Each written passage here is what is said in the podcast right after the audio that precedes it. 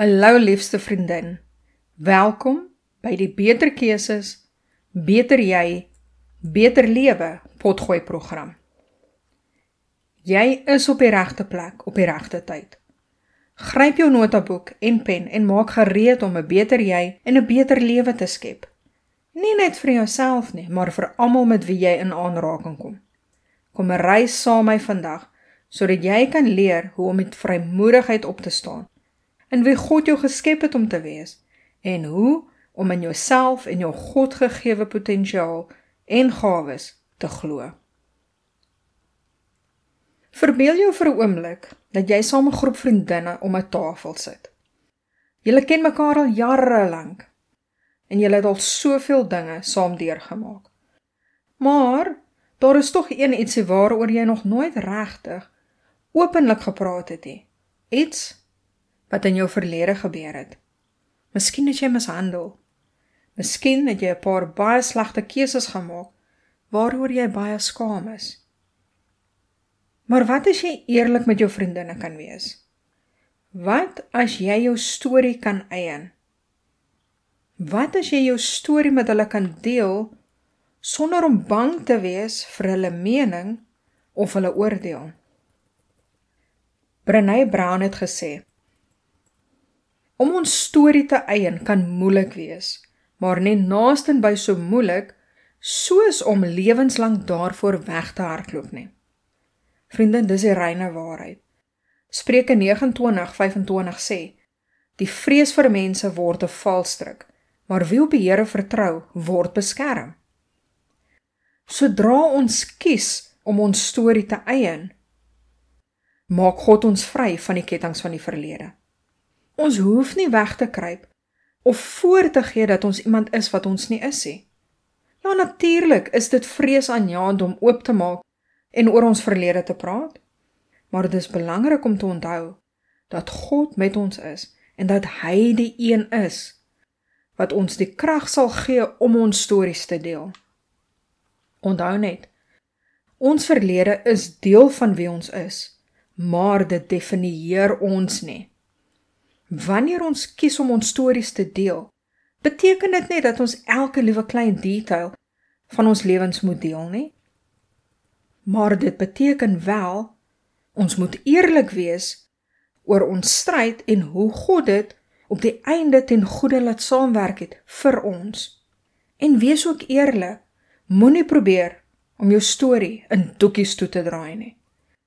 Of dit te laat lyk asof jy altyd alles agter mekaar het. He. In 'n wêreld waar sosiale media dikwels 'n prentjie skets van konstante geluk en sukses, wil ek hê jy moet weet dat dit oukei okay is om nie die heeltyd oukei okay te wees nie. Wanneer ons ons stories deel, help ons om die stigma te breek dat die lewe altyd perfek moet wees. Om dit wat in die duisternis versteek is, in die lig uit te bring, is 'n manier om genesing, transformasie en positiewe verandering aan te moedig. Dit lei ook tot vergifnis en versoening met God en ander. Die Bybel sê vir ons in Markus 5:19: "Nee, gaan huis toe na jou mense toe. Vertel vir hulle wat die Here vir jou gedoen het en hoe goed hy vir jou was." Dit was juis hierdie vers wat God vir my gegee het toe ons laat 2020 teruggekeer het Suid-Afrika toe na 'n mislukte poging om ons droom van voltydsreis na te streef. Ek het vir so lank geweier om die waarheid te aanvaar en te erken ons het gefaal. Ek wou eenvoudig nie aanvaar dat ons misluk het nie. Want wat sou mense van ons sê of dink? Maar naderhand het ek gekies om die duisternis in die lig uit te bring. Ek het gekies om te glo dat my verlede en my foute my nooit sal definieer nie. Ek het gekies om op te hou om die vyand dit te laat gebruik om my skaam te laat voel en te keer dat ek my lig voor ander skyn. Vriendin, jy kan ook jou storie gebruik om ander te inspireer en aan te moedig. Laat hulle weet dat hulle nie alleen is nie en dat daar hoop is. Dat daar 'n manier is om uitdagings wat hulle in die gesig staar te oorkom. Dis so 'n kragtige manier om die liefde van Jesus Christus met die wêreld te deel. En as jy wil kies vandag om jou verlede te eien, het ek 'n paar wenke oor hoe jy jou vrees kan oorkom en dit jou getuienis te maak. Nommer 1: Begin deur te oorweeg om jou storie neer te skryf. Dit is 'n baie nuttige manier om jou gedagtes en gevoelens te begin verwerk. Nommer 2: Begin deur jou storie met 'n getroue vriend of familielid te deel. Dit kan jou ook help om deur jou emosies te werk en om terugvoering te kry oor hoe om jou storie te vertel op 'n manier wat beide ter ere van God en nuttig verander is. Soek geleenthede om jou storie in 'n groepsverband te deel.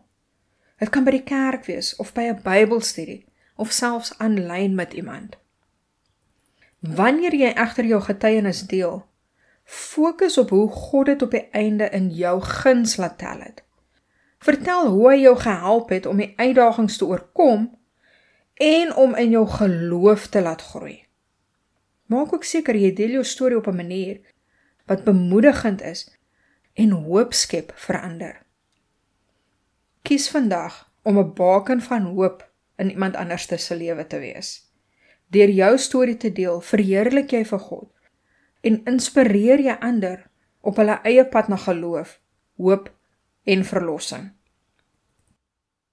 Vriendin, as jy vandag wil kies om woord by daad te voeg, Deel jou gedagtes met my. En as jy reeds jou storie gedeel het, laat weet my gerus hoe die eiening van jou storie jou lewe alreeds beïnvloed het. Duisende dankies dat jy vandag ingeskakel het. Ek bid voorwaar dat hierdie episode jou op een of ander manier seën. En ek sal dit soveel waardeer as jy daardie volgknopie druk en selfs 'n paar sterretjies ook sprinkel. En as jy dan nou asseblief boonop so gaaf ook sal wees om my te help om my woord te versprei en hierdie episode te deel met jou ander vriendinne, sal ek jou ewig dankbaar wees. Onthou vandag, jy is geskep om God se lig te skyn in hierdie donker wêreld. So bid sonder ophou en wees in alle omstandighede dankbaar want dit is wat God in Christus Jesus van ons verwag. Tot volgende keer. Hou aan skyn en geniet 'n fantastiese geseënde week.